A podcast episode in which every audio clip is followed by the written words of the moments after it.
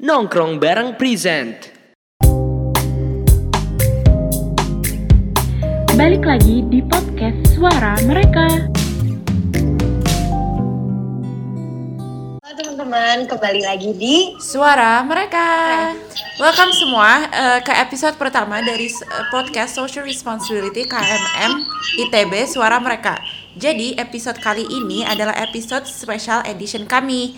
Nah, teman-teman, seperti yang kita tahu, setiap orang memiliki goals dalam hidup, di dalam tujuan tersebut dan arah hidup, dan menginspirasi kita untuk memberikan kontribusi yang signifikan untuk dunia. Dengan itu, kita memerlukan rencana untuk mewujudkan ambisi ini, penetapan tuju- penetapan tujuan yang cerdas dan pola pikir yang benar dalam menempatkan kita di jalan menuju kesuksesan. Nah, untuk podcast hari ini kita mengundang seseorang yang uh, menurutku pribadi itu uh, menginspirasi dan sosok yang uh, sangat kuat yaitu Kak Aldi Aldinar. Halo Kak Aldi. Halo, selamat siang semuanya. Siang, sore, malam berarti ya? Oke, pertama-tama aku mau ngucapin uh, makasih banyak nih buat Kak Aldi yang udah bersedia untuk uh, ngisi podcast bareng sama kita hari ini. Nah, hari ini tuh kita pengen banget nih dengar uh, kisah dan juga perspektif dari Kak Aldi mengenai tujuan dan purpose dalam hidup Kak Aldi, serta kesuksesan apa aja sih yang udah Kak Aldi raih. Nah, semua itu bakal kita bahas di episode kali ini. Jadi Kak Aldi ini adalah Oke. mahasiswa tingkat akhir SBM ITB angkatan 2020 ya Kak, yang terkena penyakit anemia aplastik. Iya. Nah, boleh dikoreksi Kak kalau aku salah. Nah, itu menyebabkan darah drop karena gagalnya sumsum tulang belakang dalam memproduksi darah sehingga terjadi krisis hemoglobin dan trombosit. Untuk transplantasi sumsum tulang belakang sendiri membutuhkan biaya pengobatan eh, biaya pengobatan sebesar satu miliar jadi diadakan penggalangan dana dari teman-teman Aldi. Kak, mungkin boleh diceritain dari awal gejala gejalanya sampai didiagnosa anemia aplastik dan sekarang masih dalam proses pengobatan. Cerita awalnya itu gimana ya Kak? Sebenarnya penyakitnya ini datangnya tiba-tiba ya, soalnya waktu bulan Februari masih eh, donor darah. Maret, April itu masih kuliah. Mei itu masih ngerjain project kan buat ya kan virus bisnis kan. Maret itu masih sempat ketemu sama partner yang ada di peternak lebah lokal yang ada di Ciwidey dalam dan gitu kan. Tapi tiba-tiba waktu bulan Juni tiba-tiba aja memar-memar kakak kira eh, akhirnya defisiensi besi. Eh, terus mulai tuh konsultasi sama dokter online, terus disuruh makan eh, penambah darah, zat-zat besi yang tinggi kayak bayam, nasi merah kayak gitu, tapi nggak ada perubahan. Akhirnya pas tes darah udah drop semuanya, udah drop darahnya karena penyakitnya kronis, jadi perkembangannya itu bertahap nggak langsung drop kayak yang akut tuh. Kalau dari dokternya sendiri, sayangnya nggak diketahui penyebab sama pemicunya, jadi tiba-tiba ada aja gitu. Oh, jadi Gitu sih. jadi memang penyebabnya itu sampai sekarang nggak tahu ya Kak karena apa ya? Iya, karena saking banyaknya faktor yang bisa mempengaruhi, Oh, tapi nggak diketahui penyebabnya apa. Dan ini kan salah satu penyakit langka, jadi nggak semua orang bisa kena gitu juga. Dan Oh. sekarang juga akan masuk eh, grup yang anemia aplastik, penderita anemia aplastik satu Indonesia hanya 35 eh 32 orang dari 200 juta penduduk lebih. wah. Oh, memang itu Eh, sedikit ya Kak sebenarnya ya. Iya langka sih penyakitnya. ya. Nggak semua orang kena. Tapi sekalinya satu orang kena, biasanya emang penyakitnya berat. Ada yang eh, apa? Kalau yang akut bisa-bisa lebih parah lagi. Kalau kakak kalau beruntungnya kronis, jadi pertumbuhan penyakitnya nggak langsung drop anjir. Nah, Kak, kalau banyak banget dari teman-teman yang nanyain kondisi dari Kak Aldi sendiri ini, sekarang gimana ya Kak? Dan Kakak lagi ada di mana ya Kak sekarang? Eh, sekarang udah mulai tahap perbaikan dulu di Karyadi di rumah sakit Karyadi di Semarang. Asalnya kan mau ke Malaysia buat transplantasi itu, tetapi ternyata pas sekarang udah juga udah berhubungan sama yang di Malaysia. Eh, udah kontekan, udah diterima, tapi ternyata katanya kalau misalnya ke Malaysia pertama harus paspor kan paspor keluarga kan. Kalau bikin paspor dulu lama juga satu keluarga Iya, kan. terus kalau di Malaysia juga biayanya bisa lebih mahal lagi karena harus tinggal di sana selama satu tahun untuk proses penyembuhannya. Dan untuk pratesnya juga kalau di sana sekitar 350 jutaan buat pratesnya aja. Itu belum donor sama eh, penerima makanya pas eh, beberapa minggu asalnya katanya mau di Malaysia terus beberapa minggu terakhir eh, nemu apa ada kabar bahwa ternyata di dokter Karyadi rumah sakit dokter Karyadi Semarang juga bisa untuk transplantasi sum-sum tulang belakang walaupun kebanyakan masih mengobati kanker darah, leukemia, myelodiplasma seperti itu. Belum ada kasus yang pengobatan transplantasi sum-sum tulang belakang buat anemia aplastik. Jadi mungkin bisa dibilang ini yang pertama di karya di buat yang anemia aplastik. Kalau misalnya berhasil, kemungkinan besar juga bisa membantu orang-orang yang penyakitnya sama kayak thalassemia, anemia aplastik juga buat bisa mendapatkan pengobatan transplantasi di negara itu sendiri nggak usah ke luar negeri lagi karena kebanyakan yang di grup yang di anemia aplastik ada yang ke India dan sampai sekarang belum sembuh karena tingkat kecocokan sum-sumnya rendah. Oh, wah. Emang serius banget dan selangka itu ya kayak berarti ya. Iya emang ya kayaknya emang langka dan susah juga sembuhnya Oh. karena kalau pakai obat-obatan bisa sih ada beberapa orang yang sembuh ada di grup juga ada orang-orang yang eh, sebenarnya bukan sembuh jadi normal lagi sih. Karena sum tulangnya udah rusak tapi bisa dibilang remisi butuh per- ada perbaikan. Tapi nggak menjamin sembuh karena sum tulangnya udah rusak. Oh, gitu nggak ya. sembuh baru gitu loh. Jadi bisa dibilang masa remisi gitu. Oh iya kak, kak aku mau nanya kalau misalkan untuk perkuliahan sendiri sekarang Kak Aldi tuh masih ngikutin kak atau masih skripsi atau bagaimana kak? Kalau nggak sendiri karena udah di planning dari awal dari semester 1 waktu tingkat pertama jadi sekarang tuh udah tinggal skripsi aja udah 4 SKS lagi udah nggak ada tambahan lagi. Tapi Oh. karena sakit jadi sekarang ambil cuti. Oh, planning skripsi itu dari awal, dari awal masuk kak. iya dari dari awal masuk tuh udah di planning. Kalau misalnya semester 1 berapa SKS jadi di semester akhir tuh beban kuliah tuh nggak terlalu berat Oh oke. kan kalau misalnya eh, dari semester 1 udah di planning apalagi buat yang mahasiswa baru harusnya udah bisa nge-planning sih kayak SBM itu mau ngambil berapa SKS jadi pas di semester akhir itu bisa harusnya cepet beres gitu. Terus udah bisa kalau misalnya kita lebih cepet kayak sidang duluan itu kan kita bisa nge-apply buat intensif atau apa lumayan. Terus bisa fokus buat jurnal juga kayak gitu. Asalnya kakak mau gitu tuh tapi karena sakit semuanya. Jadi drop. Nggak jadi deh. Tapi sekarang ambil cuti palingan kalau misalnya udah sembuh. Kalau sembuh amin. Dan Amin lanjut lagi amin. skripsi ngejurnal lagi ngelanjutin yang belum tercapai Eh, semangat kak. Aku yakin pasti kakak bisa nih. Kalau karena yang kayak aku lihat aja kak Aldi ini aktif banget organisasinya. Dari jadi SBM ITB Ambassador ya kak. Terus sampai dapat Youth Southeast Asian Leaders Initiative Academic Fellowship 2020 di Brown University. Terus kak Aldi ini sempat ikutan World Heritage Camp Indonesia tahun 2019 ya kak. Segudang prestasi yang udah diraih sama kak Aldi sebenarnya tujuan hidup koordinator itu apa sih kak? yang hidupnya tuh kalau kakak sebenarnya lebih ini sih.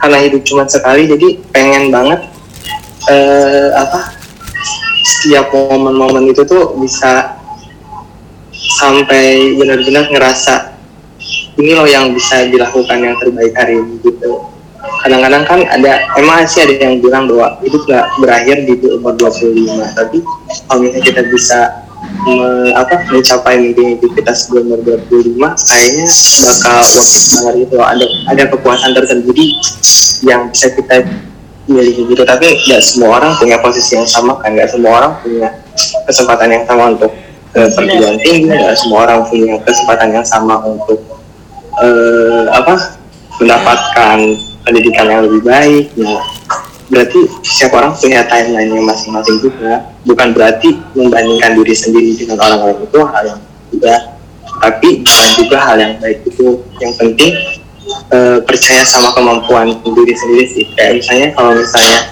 eh, bisa mencapai itu kita punya mimpi gitu. Terus kita berusaha untuk mewujudkan mimpi kita ya dan itu nggak berhasil berarti ya udah gitu loh Ya. mungkin ada eh, jalan lain gitu Eh, nih kak, kan tadi kak udah di-mention sama Kak Nadia nih sukses-sukses kakak sama semua penghargaan kakak yang keren-keren. Nah, kan tadi kakak juga eh, ngomong tentang mimpi kan. Nah, menurut kakak itu untuk meraih purpose dan goals dalam hidup itu apakah perlu Iya, planning?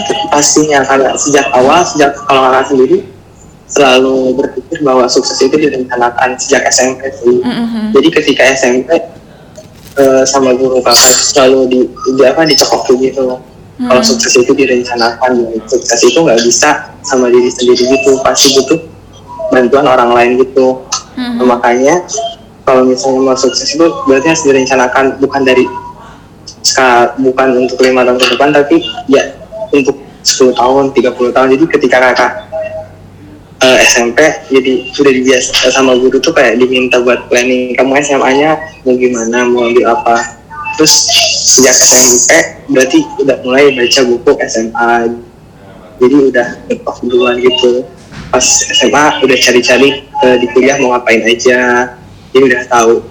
Enggak, ah enggak enggak baru sekarang nyari gitu. Tapi kalau misalnya sekarang baru nyari enggak apa-apa sih sebenarnya. Yang penting intinya sih sukses itu direncanakan gitu loh. Mhm. Harus Jadi, jadi planning kakak untuk meraih goals itu dari dari kecil ya kak dari waktu pas eh, SMP sama guru sampai Iya, termasuk yang Waisili yang harusnya berangkat tahun kema- tahun ini juga itu dari SMA Hah. direncanakannya. Wah keren banget kak udah dari Eh, SMA. Oke, Eh, nih masih seputar goals nih kak. Eh, menurut kakak untuk mencapai goals yang kakak punya, apakah kakak membutuhkan motivasi, support dari orang-orang Eh, sekitar? pastinya sih nggak akan bisa. Kesuksesan itu menurut kakak sendiri ya. Eh, mungkin beda pandangan sama orang lain. Kalau dari perspektif kakak sendiri sukses itu nggak bisa diraih sendiri gitu.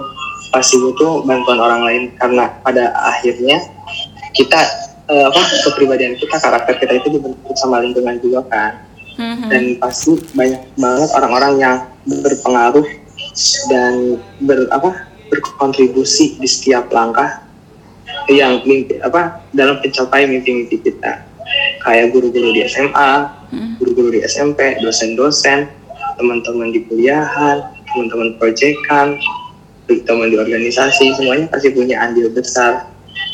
Tergantung gimana kita mem- apa, menjaga hubungan baiknya. Nggak terhitung sih kalau misalnya dari dosen, dosen tuh ngasih insight, Hmm. ngasih kayak eh tiap pasti kan setiap orang yang punya apa punya pengalaman mereka pasti berbagi pengalaman kayak misalnya oh ternyata coba kamu hubungi eh, bapak ini atau kamu so- coba hubungi pihak ini untuk ke, apa keberlangsungan proyek kayak networking apa jaringan-jaringan yang dipunya sama dosen sama teman-teman kalau misalnya nanya buat bikin ini bikin itu. Kan itu juga penting. Mempermudah kita untuk mencapai goals yang kita butuhkan. Termasuk juga kalau misalnya kita eh, punya eh, mimpi yang emang butuh banyak orang buat menjalaninya. Nah, itu pasti juga perlu eh, apa kerja sama sama orang lain berkomunikasi dengan baik negosiasi sama pihak-pihak terkaitnya Iya. dan kadang-kala untuk negosiasi juga kita butuh bantuan orang lain nggak bisa sendiri butuh orang yang misalnya oh kamu udah pernah berhubungan sama dia mungkin bisa bantu cara negosiasinya sehingga ada mulai apa ada kedekatan gitu Hmm. ada nilai keakrabannya jadi proses negosiasi komunikasinya bisa lebih lanjut lagi jadi ke proyeknya juga lebih bisa dari dari satu aspek itu nggak bakal mungkin Mhm. karena kan makhluk sosial ya pasti butuh orang lain juga Iya. Oke nih kak, eh, aku mau nanya, kakak kakak pernah nggak ngerasa kayak demotivated atau ngerasa down gitu, kayak sekitar apa pun? Dan biasanya apa sih yang buat kak Aldi semangat lagi, bangkit lagi? kalau itu eh, sebenarnya ada dua sih pertama mungkin yang waktu ngedown pertama itu waktu pertama kali masuk SBM ITB ya waktu semester semester awal. Ah, karena beda beda culture kan antara di SMA sama di kuliah. Ah, pasti setiap orang ya mahasiswa baru juga ngalamin Bener kak, bener Apa? bener. culture shock itu kan. Heeh. oh ternyata di kuliah mah kok eh, gini belajarnya. Kalau di SMA kan gini. Oh tugasnya kayak gini. Ya mungkin waktu awal-awal emang agak eh, down gitu. Kayak bener gak sih jurusannya? Bener gak sih harus masuk jurusan ini atau tempat gitu kayak juga?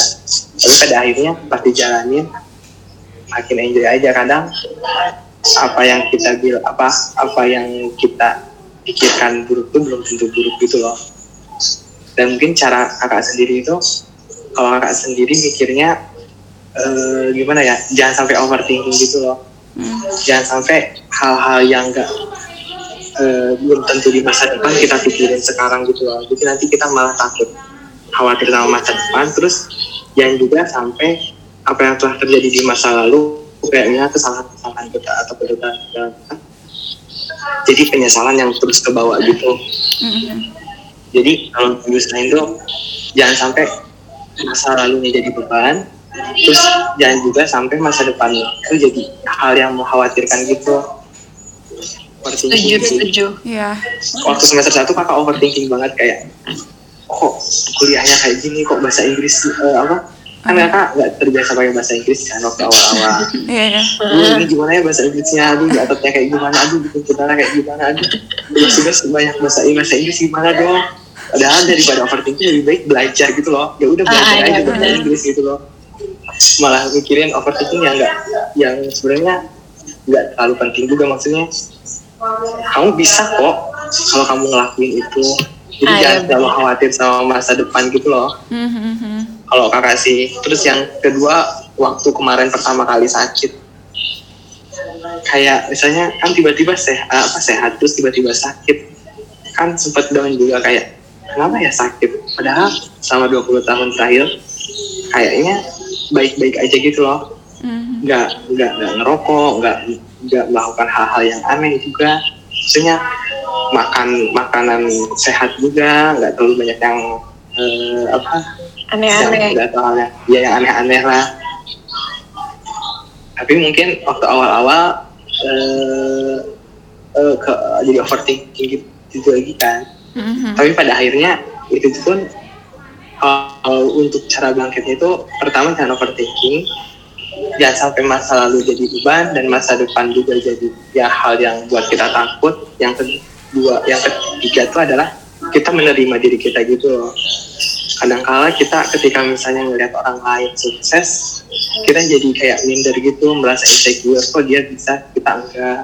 Hmm. terus kayak misalnya kita ngelihat orang lain eh, apa berhasil di suatu tempat atau eh, mencapai goals mimpinya kan kadang tuh pernah nggak sih masih kepikiran ih kok nggak sih ke- kepikiran bahwa kan setiap orang tuh pasti punya privilege masing-masing kan bisa jadi kalau karena di SBM itu kebanyakan orang-orang punya privilege kan mereka bisa dibilang eh, datang dari keluarga yang misalnya Berada. memiliki uh, Uh-uh. pendidikan ya yang berada yang pendidikannya baik Hmm. dari awal dari dari SMA-nya dari SMP-nya jadi kayak ada gap privilege. Emang emang sih privilege itu ada tapi bukan berarti itu jadi alasan gitu loh. Kakak sempat mikir juga kayak gitu.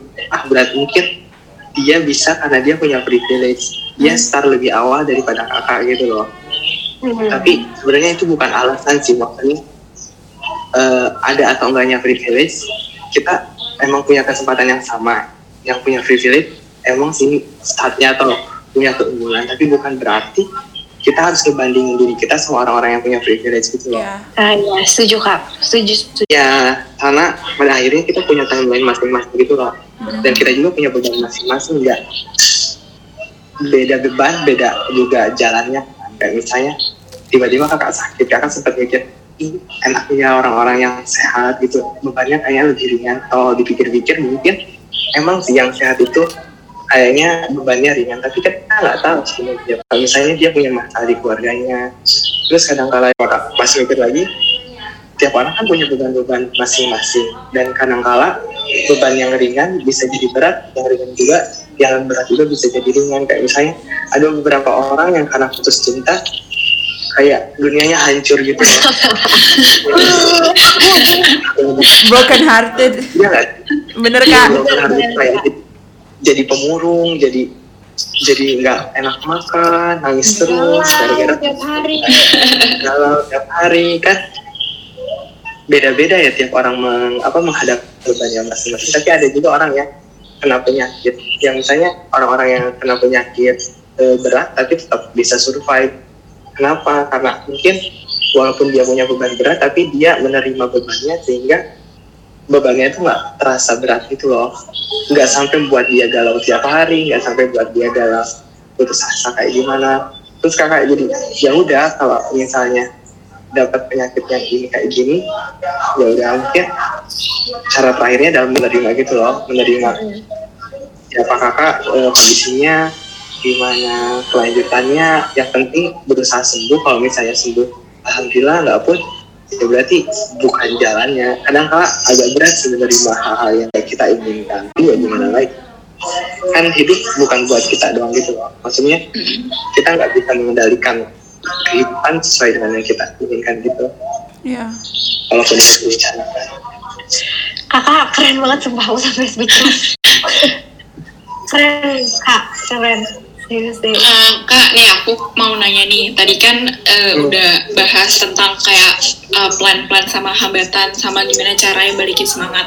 Nah, kalau misalnya ditanya kayak apa sih yang jadi motivasi kakak selama ini atau bisa dibilang moto hidup kakak tuh apa sih? Ah, bisa survive gitu Iya, yang kayak memotivasi kakak untuk setiap harinya tetap semangat gitu. Kira-kira apa? sebenarnya motivasi itu eh, karena banyak sih kalau kakak karena pertama kalau kakak sendiri yang mikirnya pertama banyak orang-orang yang ternyata support kakak kayak udah kakak nggak kenal gitu loh. Tiba-tiba ngebantu ngebantu kayak ternyata banyak banget orang yang ngebantu gitu loh yang bantu kakak ketika kakak bahkan nggak kenal dia secara langsung bahkan nggak pernah ketemu. Dan mungkin ada hal yang lucu sih yang sebenarnya jadi eh, penyemangatnya. Jadi dulu kakak tuh kan ikut lomba waktu SMP cerita. Nah terus waktu lomba itu tuh ada satu orang cewek yang duduk di sebelah kakak. Dia tuh nggak penghapus Hmm. Oh, nah, kakak kasih tuh penghapus kakak. Hai terus nggak ingat tuh. Nggak nggak ingat sama sekali gue pernah kasih penghapus itu ke dia tapi dia sampai sekarang masih ingat terus nge DM kayak kamu ingat gak sih kamu yang ngasih penghapus Ah, ya Allah masih ingat gitu loh. Iya. Wah. jadi agak agak lucu gimana gitu ternyata kebaikan sekecil apa pun sebenarnya kembali lagi ke kita gitu loh. Cuma apa berbuat baik kepada orang lain itu sebenarnya sama aja berbuat baik kepada diri kita sendiri. Jadi sebenarnya kalau kita berbuat baik untuk orang lain sebenarnya itu sama kayak berbuat baik untuk kita gitu. Kalau nonton Avatar pasti pernah dengar quotesnya Uncle Iro gitu loh. Kadangkala katanya kalau kata Uncle Iro ya kadang-kadang cara terbaik untuk menyelesaikan masalah kita adalah dengan menolong orang lain. Hmm. Wow. jadi mungkin itu sih motivasi kakak kalau misalnya kakak bisa bantu orang lain lebih banyak mungkin juga sebenarnya itu bakal kembali lagi ke kakak tapi nggak tahu kapan kembalinya. Yang penting jangan di, jangan dipikirin gitu loh jangan pamrih gitu loh. Aku udah kasih kamu penghapus kamu harus balikin apa gitu nggak boleh kayak gitu. Nggak boleh pamrih intinya. Eh, kalau misalnya eh, membahas tentang itu mungkin eh, bisa dibilang setiap orang pasti pernah gitu ya yang namanya eh, merasa kecewa atau kayak dikecewain sama orang-orang gitu. Nah, kalau kakak sendiri gimana sih caranya supaya eh, mempertahankan motivasi yang tadi kakak bilang tuh untuk terus menolong orang tuh supaya tetap ada gitu. yang salah satunya intinya jangan berekspektasi sih Hmm. penting banget buat buat mungkin kalau kakak sendiri e, ngerasain sih manfaatnya gitu nah udah nerapin dari satu tahun terakhir gitu kayak misalnya ketika kita menolong orang lain jangan berekspektasi bahwa dia bakal menolong balik Hmm, kita gitu benar. di masa depan Iya, betul banget. termasuk Setuju, setuju kak. termasuk orang tua dan keluarga gitu loh bahkan keluarga sendiri pun kita jangan sampai berekspektasi ketika kita menolong mereka kita bakal balik apa bakal dapat bantuan balik ketika kita susah Jangan ngandelin juga kan jangan- ya, ya pokoknya sebisa mungkin kalau misalnya kita mau berbuat baik ya udah berbuat baik aja. Ketika misalnya pada siapa pun itu jangan sampai kita berharap imbal balik atau Iya. pamrih gitu kayak misalnya ih gue kan udah nolong lu dulu gue udah nolong lu kok lu sekarang nggak nolong balik sih ketika gue lagi susah? Nah jangan sampai ada pikiran kayak gitu. Soalnya kalau kalau ada pikiran kayak gitu nanti kebiasaan kecewa gitu loh. Kan dikecewakan orang lain karena kita udah berharap terlalu tinggi sama orang lain tapi orang lain itu nggak bisa memenuhi ekspektasi kita ya udah sakit hati. Kalau misalnya kita nggak ber, berekspektasi dan menolong orang lain eh, ya udah menolong aja. Nggak ada ekspektasi buat timbal balik. Kadangkala pas kita lagi susah pasti ada aja jalannya kayak mungkin kita menolong si A di masa lalu tapi karena pas di masa depan yang nolong kita si C. Atau siapa pun itu yang bahkan kita nggak kenal sebelumnya bisa jadi kayak gitu. Intinya jangan sampai berharap terlalu tinggi sih sama manusia dalam hal apa pun sih maksudnya. Kadang kan manusia pelupa ya lupa. Terus kadang juga manusia karena sadar. Tadi kan udah dibilang tuh bahwa kita juga kan pernah merasa dikecewakan. Dan kita juga bisa loh mengecewakan orang lain. Kita bisa membuat sedih orang lain. Terus kita juga bisa loh dibuat sedih sama orang lain. Nah mungkin kita juga pasti pernah dong maksudnya eh, nggak memenuhi ekspektasi orang lain dan buat orang lain kecewa. Yang kita nggak sadar ataupun kita sadar. Makanya Iya. jangan sampai berekspektasi terlalu tinggi sih. Berekspektasi boleh kayak eh, iya sih berekspektasi. Tapi kadang-kala mungkin ada eh, situasi yang orang lain hadapi yang kita nggak tahu yang nggak bisa kita kontrol gitu loh. Hmm, benar kak. Jadi ya itu sih intinya jangan pamrih ketika kita nolong orang lain dan kita nggak mau kecewa atau dikecewakan ya udah Iya. lupain Yang aja penting gitu loh kalau udah nolong udah yang Iya penting benar. intinya fokus sama diri sendiri aja sih fokus sama apa apa yang bisa dikontrol atau dikendalikan sama diri sendiri kalau Iya. misalnya buat bisa dikontrol sama diri sendiri ya udah kayak perasaan orang lain pemikiran orang lain perspektif orang lain tentang kita kan itu nggak bisa kita kontrol kontrol. ya nggak bisa kita nggak bisa kita kendalikan harus sesuai dengan keinginan kita. Oke, eh, kalau aku mau tanya lagi nih, se- eh, sampai detik ini, eh, menurut kakak pencapaian terbesar dalam hidup kakak tuh apa sampai detik ini? Dari diri sendiri Oh, Oke, Eh, keren. keren Nah, banget. sih Benar, Nah, Kak. misalnya ya kadangkala eh eh, kadangkala kita membanggakan apa yang kita raih tapi sebenarnya walaupun kita nggak meraih apa pun itu dengan menjadi diri sendiri bangga dengan diri sendiri mencintai diri sendiri memahami diri sendiri itu udah apa prestasi terbesar gitu loh karena kadangkala apa sering kali gitu banyak orang yang depresi karena nggak mencapai A atau B kalau nggak eh, nggak menerima kondisinya atau sikum apa keadaannya. Nah mungkin sebenarnya masing-masing dari kita kan apa bisa dibilang versi terbaik dari kita saat ini. Nah menerima diri sendiri dan bangga akan diri misalnya ya apa pun itu percaya pada diri sendiri dan kemampuan sendiri itu hal yang bisa dibilang prestasi terbaik sih. Karena karena kalau kita percaya pada diri sendiri pasti aja apa mimpi-mimpi kita pasti ada jalannya gitu loh. Yang penting tuh percaya sama mimpi dan diri sendiri dulu. Kalau kamu nggak percaya sama diri kamu sendiri gimana kamu meraih mimpi-mimpi kamu gitu.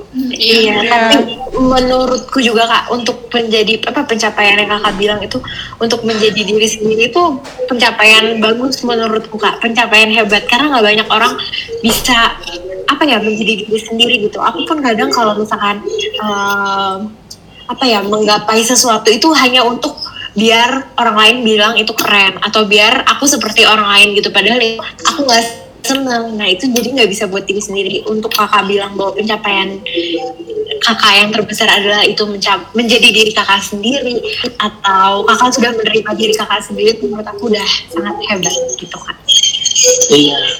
Dan banyak orang yang pengen menjadi kayak gitu ditanya nih eh, siapa sih sosok yang kayak selalu kakak jadiin patokan atau sebagai role model kakak? Atau siapa sih eh, sosok yang berpengaruh banget itu dalam hidup kakak? Kalau ditanya banyak sih kalau bertanya tentang siapa sosok role model yang berpengaruh mungkin kalau misalnya pasti dari keluarga ibu dong. Maksudnya dengan segala adversity yang pernah ibu kakak alami dari dulu sampai sekarang dia, eh, pastinya udah jadi role model banget. Gimana caranya menghadapi kehidupan dan menerima kehidupan itu sendiri. Karena perjuangannya berat banget kan? Dari kakak SD sampai sekarang itu wah banyak banget hal yang terjadi yang eh, mungkin itu stres kalau kalau kakak sendiri nggak tahu kuat atau enggak ya kalau menjadi ibu kakak. Eh, menghadapi semua permasalahan dari A sampai Z dan itu tuh di satu waktu dan terus menerus dan bertahun-tahun gitu loh. Kayaknya banyak banget dan mungkin tiap orang juga punya sih modelnya kalau misalnya buat di keluarga ibu kalau misalnya buat di kalau misalnya buat gimana cara kakak bisa survive banyak sih ada banyak orang sebenarnya pernah dengar nggak sih semua orang semua guru iya ya ya pernah Iya, kakak sekarang selalu pegang itu sih. Sebenarnya setiap orang itu role model buat kakak. Ada orang yang eh gritnya atau perseverannya bagus dan dia bisa terus-terusan keep sama mimpi-mimpinya dan berhasil. Itu juga bisa jadi role model. Ada juga orang yang eh, cara penyampaian komunikasinya bagus. Itu juga bisa jadi role model. Tapi kalau misalnya kakak sendiri buat role model yang paling paling penting banget itu pasti ibu kakak sendiri sih kalau yang paling paling banget gitu kalau eh, ini nih eh, mungkin ada nggak dari kakak mau ngasih kayak tips atau saran atau kayak masukan gitu buat semua pendengar podcast kita hari ini mungkin yang tadi aja kayak kesimpulannya. Pertama mungkin eh, jangan sampai masa lalu itu jadi beban gitu ya. Masa lalu jangan sampai jadi beban dan masa depan jangan sampai jadi sesuatu yang mengkhawatirkan. Karena dulu waktu SMP pernah bikin kayak misalnya quotes-quotes gitu buat diri kakak sendiri sih. Eh, hari ini adalah sejarah sejarah itu adalah gambaran masa depan dan masa depan itu ditentukan sama hari ini. Weh, kebayang nggak? Iya jadi kebayang. hari bang bang apa apa yang kita lakuin apa apa yang kita lakuin hari ini tuh bakal jadi sejarah kita gitu loh. Sedangkan sejarah kita bakal jadi gambaran gimana kita di masa depan. Kalau misalnya dan di masa depan itu ditentukan sama hari ini. Kayak misal contohnya eh, kita eh, udah belajar digital marketing hari ini itu udah berarti jadi pengalaman kita di masa lalu kan. Oh di masa lalu kita udah belajar digital marketing. Berarti ada gambaran di masa depan bahwa kita akan bekerja di digital marketing.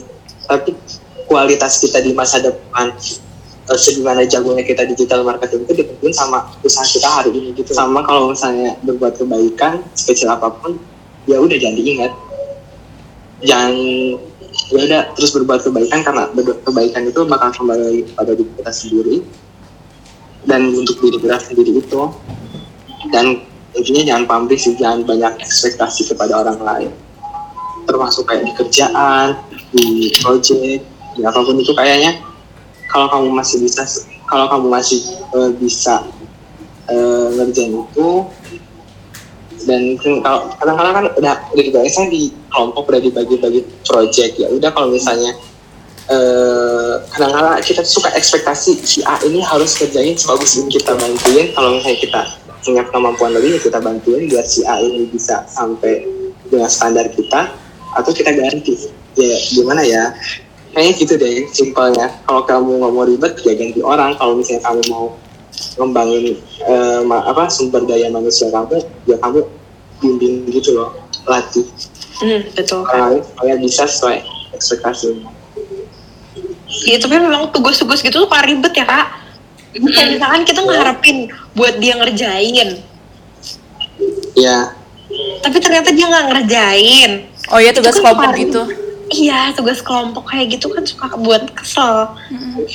Iya nggak sih, Kak? Kakak sempat ngalamin kayak gitu nggak sih, Kak? Kayak malah jadinya kakak yang waktu ngerjain. waktu awal-awal sih waktu awal-awal waktu semester satu tuh kayak gitu tuh makanya sempat kesel juga kayak ini kok disuruh ngerjain ini kok nggak ngerjain ngerjain kayak gitu kesel kesel banget gitu kalau sekarang ya udahlah kalau kamu kalau kamu nggak ngerjain ini aku kerjain aja deh kalau nggak oh kamu kerjainnya kasih step-stepnya kalau masih nggak ngerjain juga apa sih yang bikin kamu nggak ngerjain gitu loh ditanya gitu nggak ada kompetensi kalau dulu tuh kadang-kadang sampai marah gitu loh kamu nggak ngerjain ini sih kamu udah dikasih tugasnya kayak gitu rajinnya ya. Nah, sumpah kesel dah. Kalau banyak orang yang free rider gitu, Mm, Kesel banget. nggak tahu juga apa yang dikerjain. Tapi Kak Ya, ini pasti memang rajinnya deh. Nggak terlalu juga sih kadang-kadang kak, kak juga. Kalau misalnya tugasnya gampang-gampang ya udah. Dan orang lain dan sama orang lain ya udah sih. Ya udah kamu kerjain tugas ini karena gampang. Ya udah sama kamu nanti tugas yang lain aku kayak gitu. Ah, Oke nih kak, Eh, mungkin terakhir nih ya kak, ada nggak yang mau kakak sampaikan buat eh, mungkin teman-teman kuliah kakak atau mungkin sahabat, kerabat atau keluarga atau siapa aja yang sekarang pengen banget kakak sapa gitu? Karena kalau aku lihat nih banyak banget eh, gerakan-gerakan yang teman-teman kakak lakuin sebagai bentuk kepedulian teman-teman kakak eh, untuk kesembuhan kakak. Nah, mereka tuh eh, kalau boleh aku sebutin berpartisipasi dalam gerakan donasi seperti yang satu miliar untuk Aldi eh, dari Iya. Aldi SMA Bina Siswa, Kita Peduli, Peduli Sehat, Gebrakan Indonesia dan teman-teman lainnya yang selalu support ke Aldi gitu. Mungkin ada yang mau kakak sampaikan buat mereka. satu kata sih kayak terima kasih banyak gitu loh kakak juga nggak nyangka bisa banyak sebanyak orang itu yang bantu kakak gitu loh kakak kadang kakak suka apa suka mikir apa sih kebaikan kakak di masa lalu yang bisa buat semua orang jadi bantu kakak gitu maksudnya eh apa sih yang eh, membuat orang lain tergerak? Mungkin bukan dari kakak. Kakak sampai mikir mungkin oh mungkin bukan dari kakak yang membuat orang lain tergerak tapi mungkin eh, Tuhan atau Allah yang buat orang-orang itu tergerak gitu loh dan kakak cuma bisa ngucapin terima kasih karena belum bisa ngebalas semuanya juga kan. Kalau misalnya buat disebutin satu-satu tadi udah disebutin. Dari alumni SMA kakak bina siswa Semancis ITB, KM ITB, KMM, IMK yang buat gerakan satu miliar untuk Aldi kan itu dari anak-anak IMK kan? Angkatan Kak. di bawah kakak. Iya, dan 2000. itu keren banget gitu loh. Nggak nyangka bisa jadi satu gerakan yang bikin seminar gitu. Akhirnya cuman oh ya udah bikin kan cuma nanyanya cuman bilang ke kakaknya "Eh, kita bikin donasi aja kak. Jadi kita bisa oh boleh aja. Karena emang sih karena pengobatannya awalnya kan ke Malaysia jadi mahal banget kan kak expectnya sampai kata dokternya sih dokter yang berpengalaman itu sampai satu miliaran. Oh ya udah udah karena kakak nggak awalnya kakak nggak tahu gitu loh. Karena mungkin waktu awal-awal pengobatan dokter-dokternya kan nggak karena pengobatan ini cukup mahal jadi mereka nggak expect kakak bisa transplantasi gitu. Hmm, hmm, iya, Kak. karena ya udah sih eh, jadi mereka nggak menjelaskan penyakitnya dengan detail dan gimana cara kesembuhannya karena tahu bahwa eh, untuk kemungkinan transplantasinya waktu awal-awal itu kecil. Terus ya udah kakak juga nggak expect bisa dapat beberapa ratus juta dalam beberapa hari gitu loh. Nike Wow. banget Kak yang waktu itu. Iya waktu awal-awal waktu awal-awal. Terus sampai sekarang udah tapi sekarang juga walaupun nggak 1 m kayaknya cukup sih buat eh, transaksi karena di Semarang kan. Terus Mm-mm. karena dibantu juga sama teman-teman kakak yang di SBM yang kewirausahaan 2020 juga dan bukan cuma temennya tapi keluarganya orang tuanya juga ikut bantu gitu loh. Ada yang bantu sampai ngurusin BPJS-nya ada yang ngurusin ininya ngurusin yang bahkan kakak nggak pernah kenal sebelumnya gitu.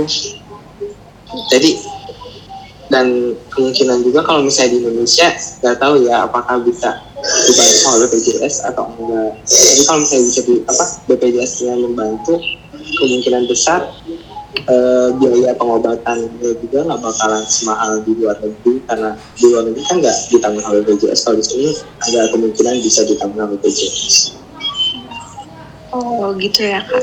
Jadi mm, banyak banget orang-orang baik di sekitar Kak Aldi yang menurutku itu eh, berasal dari Kak Aldi juga sendiri. Aku apa yang ngelihat Kak Aldi banyak banget yang mau bantu Kak Aldi karena Kak Aldinya juga baik menurutku gitu kak.